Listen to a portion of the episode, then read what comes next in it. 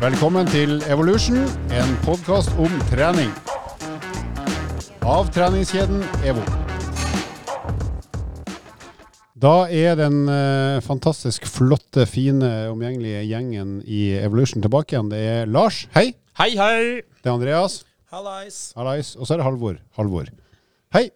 Vi skal eh, straks snakke om eh, temaet gå, eller gange, og hvordan vi kan gjøre det som en bruker det som treningsform. Men først skal vi snakke litt om eh, hva vi rundt bordet har tenkt å finne på i høytiden som eh, finnes av eh, Jesus, Jesus. og oppstandelse. ikke fortapelse, men oppstandelse. Mm. Så eh, da spør jeg først deg, Lars. Eh, Du har jo vært i Frankrike for ikke så kjempelenge siden. Og hva, skal du gjøre noe spennende reising eller noe annet i påska? Mm, nei, ja, det blir Vestlandet. Der det er mest snø per nå. Så det blir å utnytte siste del av skisesongen, dvs. Si topptursesongen. Selv om den per definisjon kanskje starter Går du på skøyteski da, eller? Ja. Klassisk. Nei, barneski. Sånn, Barneski? Ja, sånn eh, Hva heter det? Sånn eh, Sånn smørefrie? Ja. ja. Riktig, med sånne skjell under. skilom. Ja, skilom. ja, skilom. Skilomslalom. Lage god lyd når du sklir nedover. Nei, du, det blir ja, topptursesong eh, og kos og hygge. Og I hvert fall første delen hjemme hos mor og far. Og så driver vi og planlegger en uh, tur, vil si fra hytte til hytte. Og det er på en måte basert på et konsept som kommer fra Alpene. Og det er høgruta i Jotunheimen. Så det er ja, ni mil med gange på fire dager. Så går du fra hytte til hytte, og så er du innom en, en eller flere 2000 meter topper da, i løpet av disse dagene. Så snakker vi truge eller til fots eller på er ski? På ski. På ski, ja. Ja, ja. Rando-ski. da. Så med sekk og full pakke, så går du fra da DNT-betjente hytte fra hytte. Så du Du skulle ikke bare gått på miniski, da? jo, det hadde vært Litt... de er ganske fleksible, egentlig. litt lettere òg. Ja. Ikke så gøy ned, da. Nei, de ramler fort av skoen, er det ikke? Ja, jo, for de der stramme trådene de er ikke så gode. Det er et dårlig konsept, egentlig. Ja, det er bra tenkt, men det er for dårlig utført, Ja. egentlig. Så det er nok eh, mer eller mindre planen gjennom påsken. Ja. Så det blir mye ski. Det er ikke dårlig. Nei da. Og da spør jeg Andreas, eh, på samme måte som Viggo Valle i NRK P1 har gjort i 40 år, hvor skal vi reise? Godt spørsmål. Ingen steder. Skal det være Sohause? Eh, ja, det skal vel egentlig det. Men eh, det kan jo hende at det dukker opp noe i timeplanen. Men får ikke du fri fra pappaperm siden det er påskeferie, eller har, de, har man pappaperm også i ferie? Nei, Det som er utfordringa hjemme hos oss, da, det er at uh, hun som har vært i mammaperm, hun er jo sykepleier. Og da når hun kommer tilbake igjen på jobb, så er det jo klart at uh, da har navnet en tendens til å stå oppført på de vaktene som færrest mulig vil ha. Når du ikke har vært der og forsvart din rett når turnusen ble laga. Men eh, sånn som det ser ut, så kan det hende at det er mulig å snike inn en tur på fjellet der. Og da snakker vi Trysil? Og så er jo spørsmålet Ja, det, det, ikke sant? For hvis det ikke er ski, Da drar dere til Trysil? Nei, da er jeg litt usikker, men på den annen side, siden jeg har pappaperm, så trenger jeg jo ikke flere dager i Oslo hjemme heller. Så det er ikke sånn, sånn som det vanligvis er, ikke sant? hvor du kommer fra arbeidsuker, og så er det veldig behagelig med litt fri og sånn, men eh, da har jeg jo vært hjemme hver dag, så Du har faktisk, for å være helt ærlig, du, har, du er dritlei når påska kommer, så er du dritlei av å være hjemme og surre rundt med gnageren. ja, og ettersom jeg da Etter har vært hjemme i en uke, Ja, så ja, men du kommer til å være det. I promise Du, you. spørsmål. Er Trysil-Knut er det far din? ja, det det stammer fra? Nå er det det. Det var ikke det fra start, men han har blitt det. Men uh, det jeg er veldig spent på, uh, som ikke har noe med påska å gjøre, men det er jo at um, etter nesten et år da, hvor samboeren min har vært hjemme, så har jo hun lyst til å endre alt. Ikke sant? Endre farger, og vi skal pusse opp, og, for hun har gått hjemme så lenge. Jeg kan ikke se for meg at jeg har lyst til å male noe mer Men- fordi om jeg har vært Det hjemme. Det er stygt å si siden hun ikke hører på, for hun gidder vel ikke å høre på det her. Nei, det Rører- Hvorfor har ikke hun bare gjort det sjøl når hun har vært hjemme så lenge? Det er jo det hun gjør. Ja, men Har hun gjort noe med det? Uh, ja, det, så stadig Og gjør hun har det. starta? Men, men så er det jo en annen som prøver å da trenere den utviklinga. For den kommer jo med noen kostnader Ja, ja. og noe sånne Det drypper jo noen arbeidsoppgaver på meg òg, selv om jeg ikke er delaktig. Du Det må gå og lukter- flikke, du. Det lukter jo arbeidstime her. Ja. Ubetalt. Det gjør det. Så nei da, det er hardt liv. Jeg skal, jeg skal egentlig ikke klage, men jeg gjør det, da. Jeg kan friste deg med at uh, siden jeg skal til Spania Ja, jeg skal til Spania! Så kan du få lov å ta med deg fruen og gnageren opp til eh, Ekebergskrenten. Så kan dere feriere i, i, på høyfjellet der. Ja, det er jo Det er jo flere eh, høydemeter høyere enn dere bor. Det er jo faktisk en, et, et, et fint sted. og- Skogen rett ved, faktisk. Ja, ikke dårlig. En grill, en en, grill som ikke har vært inne i garasjen på fire år. Som har overlevd fire vintre, som du òg kan få lov å bruke. Ja, ja, og trampoline. Og så har du jo faktisk Du har jo eh, badekar, som eh, for den ungen min vil eh, fremstå som et ganske stort basseng. Oh yes. Og så er det treningsrom til far og mor. Det er kanskje det beste. Og da snakker jeg om treningsutstyr, altså ikke sånn ha-ha-ha treningsrom far og mor, men eh, faktiske treningssenter. Mer sånn ho-ho-ho, Ja. ekte treningsrom. Ja, Halvor har brystpress hjemme. Ja, det er mitt høyeste ønske, det. Jeg bare vet ikke hvordan jeg skal få den inn. Altså brystpressen. Men jeg skal til Marbella, ja. Så for første gang på veldig lang tid så skal jeg utenlands og til et sydlig strøk med sannsynlig varme. Så det, det blir fint. Eneste som skårer gleden er at hele familien skal. Men du får sykle. Jeg får sykle, jeg har leid sykkel allerede, med elektrisk gir. Tolv timer hver dag. Ja, jeg har jo Nei, jeg skal ikke si Jo, jeg kan si det. Jeg har vel planlagt at jeg skal se lite til de andre. Jeg har et eh, spørsmål, et, et praktisk spørsmål. Man sier Marbella, og så sier man Mallorca. Det, Ma- Mallorca er jo feil. Ma. Ja, Så egentlig så skulle vi vært harry og sagt Mallorca. Men kan vi ikke heller da si Marbella? Vi kan godt si Marbella. For det høres jo skikkelig dumt ut. Jeg kan bare tysk og engelsk. Altså, jeg kan godt si Marbella. Jeg skal til Marbella. Men dattera mi har spansk, så hun sier Marbella. Så jeg antar det er rett. Ja, Tror jeg òg. Men jeg vet ikke, altså. Jeg vet at det heter Marbella på tysk. Bra, da har vi kartlagt hvor vi skal og hva vi skal gjøre i store trekk. Så den eneste, eller den som faktisk bør glede seg mest, det er jo meg, da. Og som er Lars på andreplass. Og Andreas gleder seg ikke i det hele tatt. Til påske, altså. Ikke noe påskeegg heller som kan få deg i bedre stemning. Jo, jo, jo. Du, jeg, jeg har trua, Du har er, jo ikke det. jo, men det, som er fordelen, vet du, det er at hvis du har eh, forventninger om at det bare skal lande sånn tålelig på buken, så blir det bra hvis det svever litt. Så, Men er ikke du ferdig med å lure deg sjøl med det der? Eller går du på deg sjøl fortsatt? jeg er egentlig ferdig. Jeg er egentlig ferdig.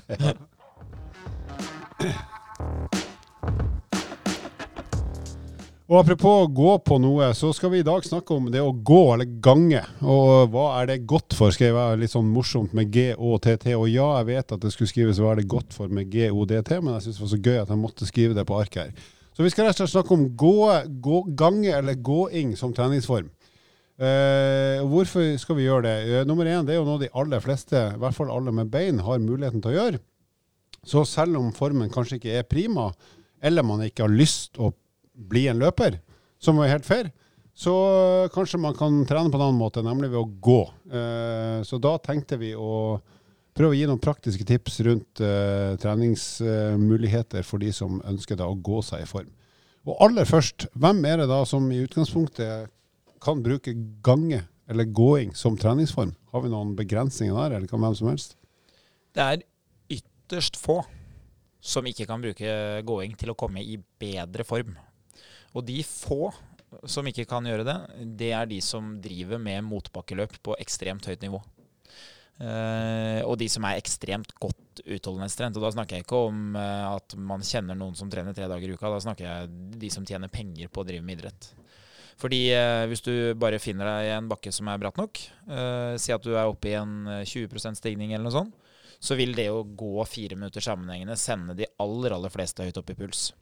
Og hvis jeg skal lage et eksempel av det, da. Hvis vi bruker det eksempelet vi snakka om tidligere, om 2% stigning er 1 km i timen, så vil det være sånn at hvis du da har si 10% stigning, så vil jo selv en fart på 3 km i timen tilsvare at du egentlig driver på på 8 km.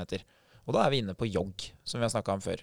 Og hvis du da drar til enda mer da, og sier at du har 20% stigning, da er vi plutselig oppe på 13 km i timen, hvis vi egentlig da beveger oss fremover i 3 km i timen, men vi har 20% stigning. Men da bør du vel ha tau og sikring òg, hvis det er så bratt, eller? Nei, 20 det, det er ganske Det er. Det er snilt til å være Nord-Norge. Ja da, det er det. Men, det er bratt. eh, Det er bratt. Ja, det, det er jo ikke mange Ikke steder skredfare. Det er ikke mange steder som er asfaltert som er 20% stigning. Men det er ikke utenkelig at du i enkelte skiløyper kan finne korte bakker med 20% stigning og gå opp og ned der.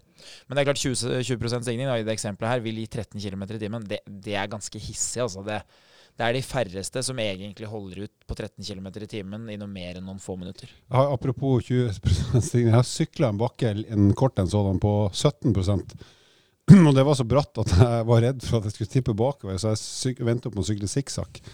Altså, for det var eh, så bratt. Og når jeg sto da, så tenkte jeg faen, det her kan jo gå ordentlig dårlig. Men eh, tungt var det. De, eh, de fleste tredemøllene går jo til 20 Eh, Noen har 15, 15 men, 20, eh, mm. men mange har jo 20% Så det er på en måte det bratteste du får til. Og ja, det er ganske mye oppover. Eh, Det som blir utfordringa for de fleste, det er at eh, da blir det veldig mye lår, og så blir det ekstremt mye legg. Fordi eh, steget ditt må jo sende deg oppover i bakken, så det, det stiller jo muskulært krav på en helt annen måte kontra det å gå på flatmark. Men fordelen da, det er jo at man kan kompensere med lengde. Eh, Så man trenger jo ikke å gå i 20% stigning. Det holder jo massevis å gå på 10% Og da plutselig snakker vi at 10% det finner du flere steder. Det er ikke utenkelig. Så det å gå vil for de aller aller fleste, også de i god form, være en meget eh, relevant måte å trene kondisjon på. Bare et eksempel til på det. I helga så var jeg i Stavanger eh, og hadde et PT-kurs med 25 studenter. Og vi hadde utholdenhetstrening som tema den ene dagen. Og da fant vi en motbakke for å rett og slett bevise det, eller, illustrere det poenget. Så først gjorde vi en makspulstest på tredemølle. Og så et par timer etterpå så fant vi en bakke som tok ca. 90 sekunder å gå opp. Og da fikk de lov å gå kontrollert opp én gang, og da hadde de sånn rundt 60-70% av sin makspuls. Og så fikk, skulle de gå så fort de kunne i den andre runden, og den bakken tippa nok hadde en stigning i sitt på en sånn 10-11-12% faktisk. Så ganske bratt, men ikke sånn sinnssykt bratt. Og da lå hele gjengen et sted mellom 10 og 25 slag under sin makspuls, som betyr at de ligger rundt 85-90% av makspuls, som igjen er en helt utmerket sone for å trene slagvolum og komme i bedre form. Så, og de er jo i god form, altså unormalt god form. Så det var en, poenget mitt med det var jo å vise dem at du trenger jo ikke å løpe veldig fort for å trene kondis. Du kan gjøre det på mange andre måter, også som er mer skånsom og for mange kanskje mer aktuell enn å løpe fort. Og hovedforskjellen for mange da, det er jo at når de går, så har du et overskudd til å ha kontroll på teknikken. De klarer også å justere intensiteten sånn at de kan gjenta det. Så i mange tilfeller så vil jo det å gå i bratt motbakke, eller for den som er i form som gjør at du kan gå flatt og få samme effekt, da, vil gjøre oppgaven så enkel at den er mulig å opprettholde. Mens hvis du hadde valgt å løpe på en da litt lavere hastighet fordi det er litt tyngre å løpe, så ville du bare endt opp med at det blir vanskelig å holde teknikken. Så, så gåing er jo noe som egentlig veldig mange burde ha benytta hvis de rent kynisk bare skal ha bedre form. da. Og da skal vi, Jeg skal bare ta noen faktaopplysninger om gange, bare så vi har plassert det. Du har nevnt litt av det allerede, Andreas. Men det ene er, når vi snakker om forbrenning av gange, så kan vi enkelt beregne at for hver kilometer du går, så forbrenner du ca. 0,7 kalorier per kilo kroppsvekt per kilometer. Så veier du 100 kilo og går 1 kilometer, så bruker du ca. 70 kalorier på det. Og så kan du egentlig bare gange det opp, og så tilpasse vekta di. Så det er det ene som har med forbrenning å gjøre. Og så er det et par ting til. og Det ene er at uh, hvis du skal regne om liksom, hvor mye betyr en motbakke i hvor mye det egentlig koster forbrenningsmessig, og hvor mye sli, mer slitsomt det blir, så har du allerede nevnt Andreas, at for hver andre prosent du har i stigning, så tilsvarer det en flat fart på 1 km i timen.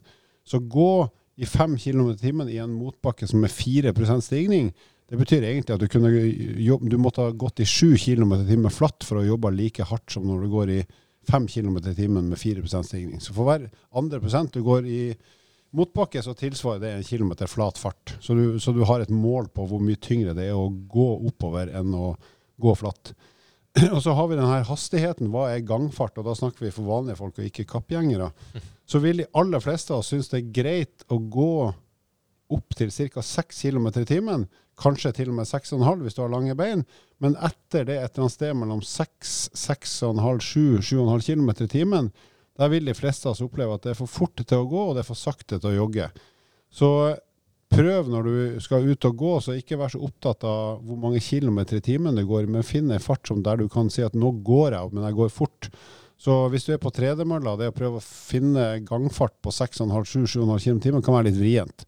For da er det sånn mellomhastighet. Så finn ut hva som er fort nok til å jogge hvis det er det du skal, eller sakte nok i gåsehudet til at du går. Så du ennå slipper å gå småjogge, men egentlig ikke gjøre noe som helst, for det er bare ubehagelig og irriterende. Så da har vi noen sånne facts eh, på plass. Og så er jo spørsmålet hva, hvordan skal jeg gå, hvor mye skal jeg gå, hvordan skal jeg gjøre det for at jeg faktisk skal komme i bedre form? For vi har jo snakka en del om hverdagsaktivitet, og det er jo mer sånn rusling, stort sett. At du går hit og dit. Mens her snakker vi om at du skal gå for å trene. Så hvor eh, mye du tar en vanlig nordmann som er i sånn passe middels minus form, hva, hva skal til for at gange kan være en treningsform som får det mennesket i bedre form? Hvordan ser de øktene ut, og hvor ofte skal de gjennomføres i ukentlig? Det aller aller viktigste når det gjelder eh, det å skulle bli i bedre form, så må du jo gjøre noe som er tøffere enn det du gjør til vanlig. Så hvis du allerede har etablert en vane hvor du går en del ganger i løpet av uka, f.eks. at du går til butikken eller at du går til jobb eller noe sånt, så er det jo veldig avgjørende hva som er totalvolumet, altså hvor mye går du i løpet av en uke, og så er det hvor fort du går. Så de aller aller fleste må nok belage seg på at hvis de skal bli i bedre form av å gå, så må de dytte seg selv opp i fart. Altså Du er nødt til å gå fortere enn det du gjør til vanlig. Og så har jo vi nå avdekt at det er mulig å kompensere for det å gå fortere ved å gå brattere. Så hvis du til vanlig går flatt og begynner å gå motbakke, så får du effekten. Eller hvis du går flatt, så må du da gå fortere flatt. Og eh, det som er fint med å gå, det er jo at eh, det er på en måte vanskelig å få det til å bli ekstremt mye hardere, med mindre du da går rett opp, sånn som jeg beskrev tidligere i episoden. Så fordelen der er jo at hvis du da ikke har tilgang til ekstremt bratte bakker, så kan du nesten gå så fort du vil, altså. Fordi du rekker på en måte å, å ta til deg signalene som gjør at du kan justere ned i fart. Mens hvis vi hadde brukt løping eller andre utholdenhetsaktiviteter, så er det på en måte et så stort potensial i å starte for hardt at du får ikke reversert den feilen du har gjort, eller altså den innsatsen du har gjort. Så gåing er jo mye sikrere på den måten. Og da kan man jo dele opp øktene, eh, egentlig litt sånn som man gjør når man driver med, med utholdenhetstrening. Mm. Og så Kall en spade for spade. Det er jo verdens enkleste treningsform sånn i utgangspunktet. Et par gode joggesko, eh, noe, kanskje noe musikk eller annet på øret, eventuelt noen eh, sosiale venner som du kan ha med deg og gå med, eller bikkje eller hund eller andre husdyr. Så er det bare å komme seg ut. Undulat. Var en syk eh, så, så, kan man bare komme seg ut. Og det som er fordelen, da, hvis man øker hverdagsaktiviteten, som vi har snakka om tidligere, så er man jo da kall det mer forberedt. Dvs. Si man er mer jeg trekker det i parallell herda til å tåle mer belastning. Så man kan da veldig lett liksom gå øke belastningen på intensiteten på gåinga, og så etter hvert å gå over mot løping hvis det er den eh, retninga man har lyst til å, å dra det. Og så er det jo da å bruke der det, det, de fleste har tilgjengelig utenfor husdøra, det er jo et, et kupert terreng, som oftest i Norge. Det er ikke alltid der det er flatt, eller bare oppover. Det er som oftest litt sånn kupert, og da er det ut å bruke terrenget for da kan man få litt mer den kall naturlige intervallen, hvor man bruker motbakken til å gå litt fortere og få opp eh, pulsen litt, og hjertepumpa pumpe, og så går man litt roligere igjen på flatmark og eventuelt nedover. For Der òg er det et aspekt som vi skal snakke litt om. Ja, Apropos det med å gå nedover, for når du har gått opp, så må du en gang ned. Hvis ikke du har flaks og blir henta av helikopter. Eh, og der vil jo mange, iallfall når de går på fjellet og går fjellturer og har gått topptur, så er jo den der marsjen ned eh, kanskje fortoner seg så mye lettere, men eh, det er jo mange som våkner opp eh, dagen etterpå med ekstremt støl muskulatur. Fordi at de har gått uh, ganske langt og bratt nedover. Nå er vel kanskje det mest aktuelt på fjellturer, men kanskje til og med hvis du bruker motbakke mye i bratt motbakke i treninga og går opp og ned, opp og ned, så kan det hende at du opplever at du blir fryktelig støl etter å ha gått en del nedoverbakke. Hvorfor blir man så støl av det? Det er jo den eksentriske arbeidsformen, dvs. Si den bremsefasen som du må da ta for hvert steg du går nedover. Eh, så skal du jo stå imot med muskulaturen på framsida av låret for å bremse hastigheten nedover, så ikke du detter fremover, eller at det går for fort og du mister balanse, eventuelt kontroll. Og den fasen der, den er litt mer belastende på muskulaturen. Ergo er det lett for å bli antydning til støl, fordi det er den eh, kalles det overbelaster muskulaturen din på en litt annen måte enn det ville gjort hvis du hadde jobba bare oppover. Og så er det da, hvis vi tar litt flere sånne, sånne, ting man kan lure på Det her med å gå med ekstra vekt, f.eks. en sekk, sånn, er det noe poeng? Ja, det er jo et morsomt spørsmål. Spør meg. Ja, Lars, eh, Lars, du er jo alternative, altså alternative treningsøkters konge, pleier jeg å si. Du er jo veldig god på det. Men det som er morsomt, er at jeg får det spørsmålet her om løping veldig ofte. Og der er det to forskjellige svar. Eh, løping, så vil det være en så enkel mulighet til å bare løpe fortere. Samtidig så er jo løping av stor belastning i seg selv fordi du har en svevfase. Så der tukler du litt med belastninga som gir større risiko for skade. Men når vi velger å gå, så er plutselig ikke den ekstra belastninga så skadelig fordi vi ikke har svevfasen. Og da plutselig åpner det seg et rom for å bruke ekstra belastning.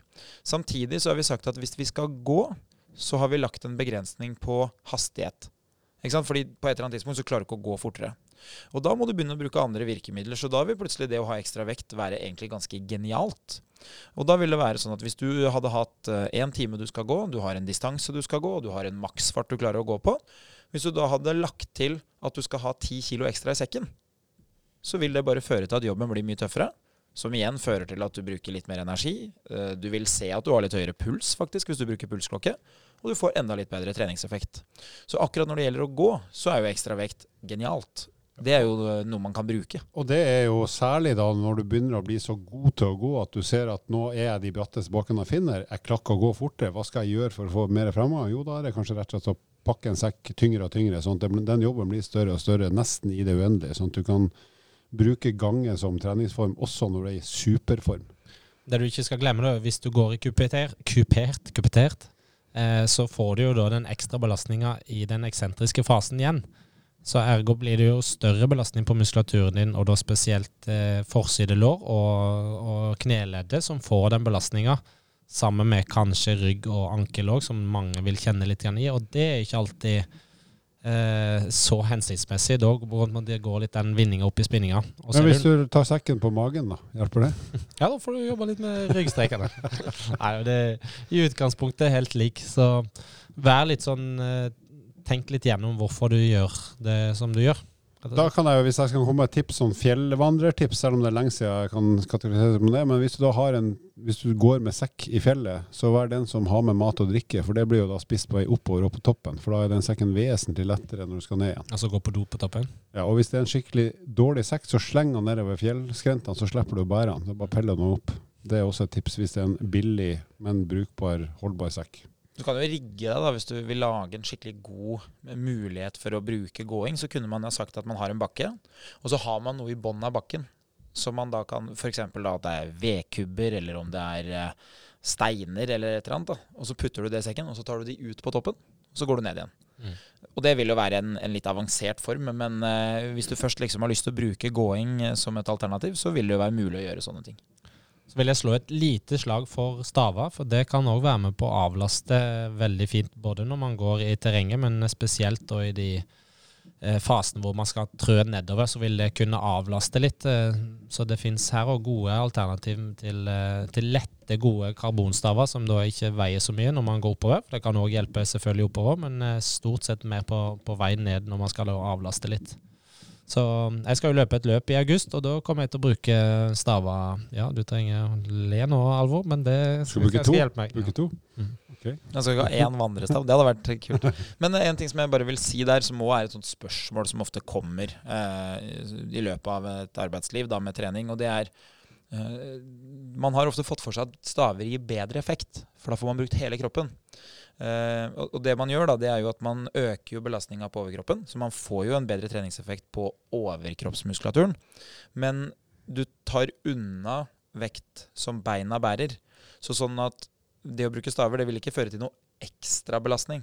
Det vil bare føre til at du flytter Du belastning. fordeler, fordeler belastning mer enn ekstra. Ikke sant? Så det er veldig smart å bruke staver, men eh, det er ikke noe vits å bruke stavene fordi at man tenker at det blir ekstra tungt. For det blir det samme. Men det har mange andre positive fordeler, eh, som balanse og at du faktisk da har muligheten til å avlaste beina litt. Siste spørsmål fra Vingen her. Eh, gå baklengs, er det noe poeng? Ja, er mye- man mer, eller eh, bruker man rumpa mer? Eller hva er, liksom, er det noe vits, eller er det bare tull?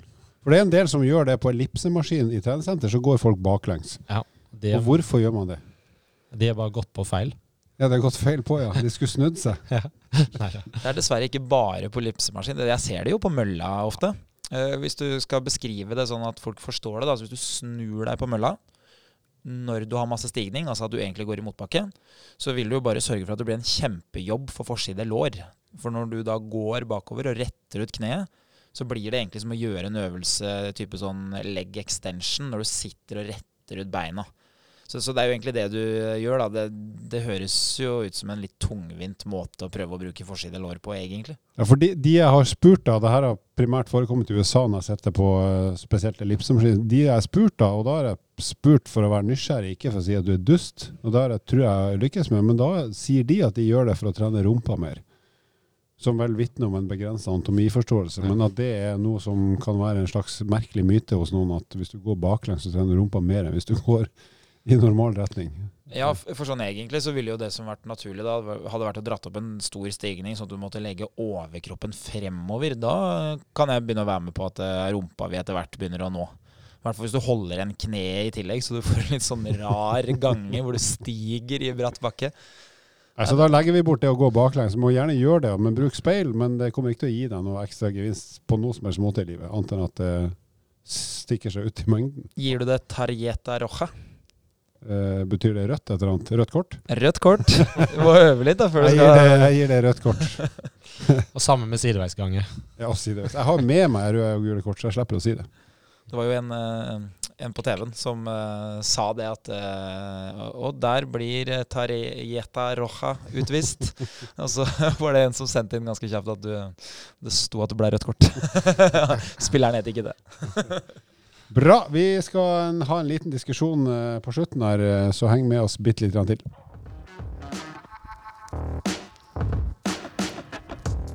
Vi er jo unormalt glad i sport, som alle har fått med seg. I hvert fall av de som gidder å høre på oss. Og eh, nå er det sånn at vinteren er slutt. De siste langrennene er så å si ferdig. Det er kanskje et langløp igjen, men det er stort sett slutt på vinterbordet.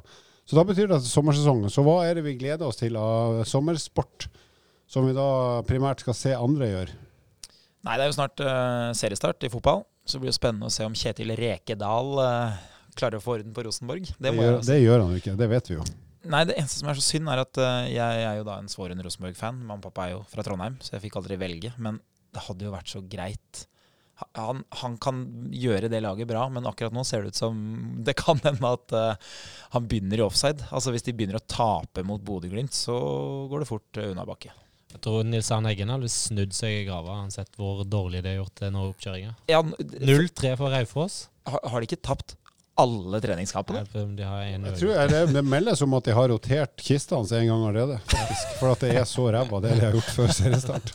Så det er ikke bra. Nei, Så det er fotball, Andreas. Er det noen andre ting du gleder deg til? Ja, altså jeg syns jo det er litt morsomt med vårklassikere, sykkel. Mm. Eh, og så mm, må jeg jo si at jeg syns jo det er artig når friidrettssesongen er i gang igjen.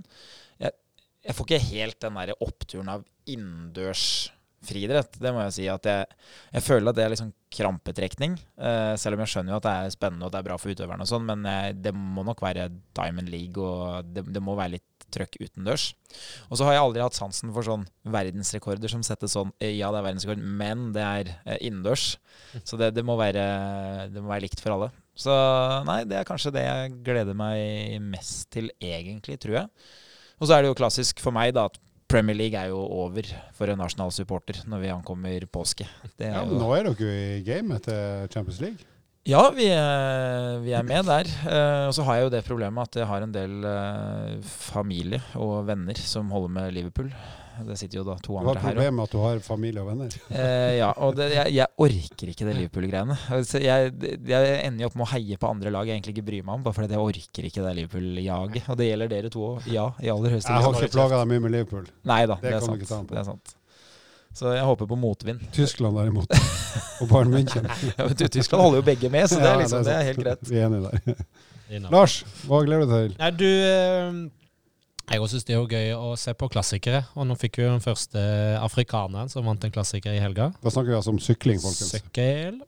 Så det var litt moro. Eh, utover det så er jo Formel 1 i gang. Og jeg har liksom aldri Jeg har, likt Formel 1, men det har liksom aldri vært så gøy som nå. For nå skjønner man mye mer av dynamikken bak og alt det der med intrigene i, internt i lagene og, og de sportssjefene og førerne og regler, bla, bla, bla. Jeg må bare skyte inn noe der, for jeg er også blitt skikkelig hekta et par år nå pga. den serien. Men i, når jeg kjørte fra Stavanger fra det PT-kurset jeg nevnte i stad, så gikk det jo Formel 1-runde på Viasat. Mm. ikke kanalen. Og da streama jeg den i bilen. altså Jeg kjørte fra Stavanger hjem, så jeg streama den via lydanlegget. Så jeg satt, og, jeg satt og hørte på hele Formel 1-runden. Eh, og selv det Det er klart det er alt er gøy når du sitter alene i bilen, men det, det, selv det var faktisk ganske ålreit. Altså. Å sitte og høre på Formel 1 uten å se det. Men et spørsmål der, Lars. Eh, Du sier at nå skjønner du mer av det, men altså den sesongstarten som har vært i Formel 1 nå, basert på det jeg kan forstå, nå skjønner jo ingen noen ting. Nei, det er jo, det er jo endra noen regler i år, så det, det skal være per definisjon være mer likt for alle. Så det er noen regler på motor og på Hvordan bilene bygges. bygges opp. Eh, Så der noen eh, har bl.a. Mercedes hatt en fordel de årene før, fordi de har vært veldig gode på det, så er den utligna nå. Så det blir mer jevnt nå, per definisjon. Eh, Men jeg tror vi skal få fortsatt se en ganske morsom sesong, for de ligger mye nærmere hverandre. Altså tett bilene underveis i løpet. Og nå i går så endra jo var På de ni siste rundene så var det jo Leclerc, en franskmann, og Verstappen. De endra jo, de bytta vel plass to ganger, hvis ikke tre ganger, i løpet av de ni siste rundene. Det har jo aldri skjedd før. Hvor de da passerer hverandre og passerer hverandre og passerer hverandre. Jeg leste jo fra en, en tidligere uh, storhet der, han Hamilton skrev jo at uh, vi har for lav toppfart på bilen. tenker jeg, Det må jo være et kjempeproblem. det handler om å kjøre fortest mulig. Det tenkte jeg òg da jeg kjørte hjem fra Stavanger. Ja, du hadde lav toppfart. Jeg hadde bare 111. Og så sump.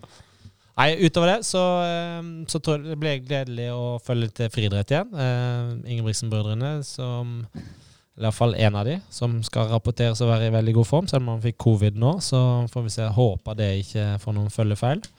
Ellers så blir det sånn tradisjonelt alt av sommeridrett. Altså Sandvolleyballet syns jeg er dritgøy å se på. Eh, Mol og Sørum, som eh, eller, Jeg syns det er en spektakulær idrett, for det, de er jo veldig gode. To gutter som slår ball. Yes. så Nei, ellers så bare Nei, det gleder seg. Eh, ja, Tippeligaen òg, selv om eh, det er laget som står meg nærmest i utgangspunktet, enten Brann eller Sogndal, det, de er jo dessverre nedi Brann tapte for KFUM, som Ja. er fra Ekebergsletta. Altså det er ikke fra Oslo, det er fra Ekebergsletta. ja, Det sier seg litt. Som er da dog nede i førstedivisjon. Nei, jeg er jo enig med alle. Jeg elsker sport. Og som jeg har sagt til alle jeg kjenner, bli glad i sport, for da er livet aldri kjedelig. Mm. fall ikke med en maks én dag, for det er alltid et eller annet som skjer. Særlig når man har internett. Og det har vi.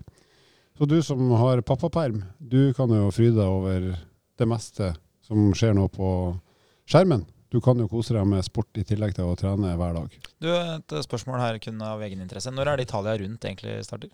Det pleier å gå i mai, så det tipper jeg er sånn 6., 7., 8. mai, og så i tre uker. Kanskje jeg har fått ei datter som syns at Italia rundt er dritgøy. Si ifra, så kommer jeg på besøk. Eller så kan du komme på besøk til meg. Besøker sammen. Så tar vi jeg tar besøk av dattera di. Kanskje litt spooky, men det er bare 50 års aldersforskjell. Ja, ja, ja. Det finnes verre ting enn det. Ja, men eh, bra, da eh, trer vi av for denne gang. Hva skal vi si da, folkens? Sayonara. Ha det er bra. Vil du vite mer om trening? Abonner på podkasten og sjekk ut vårt treningsmagasin på evo.no.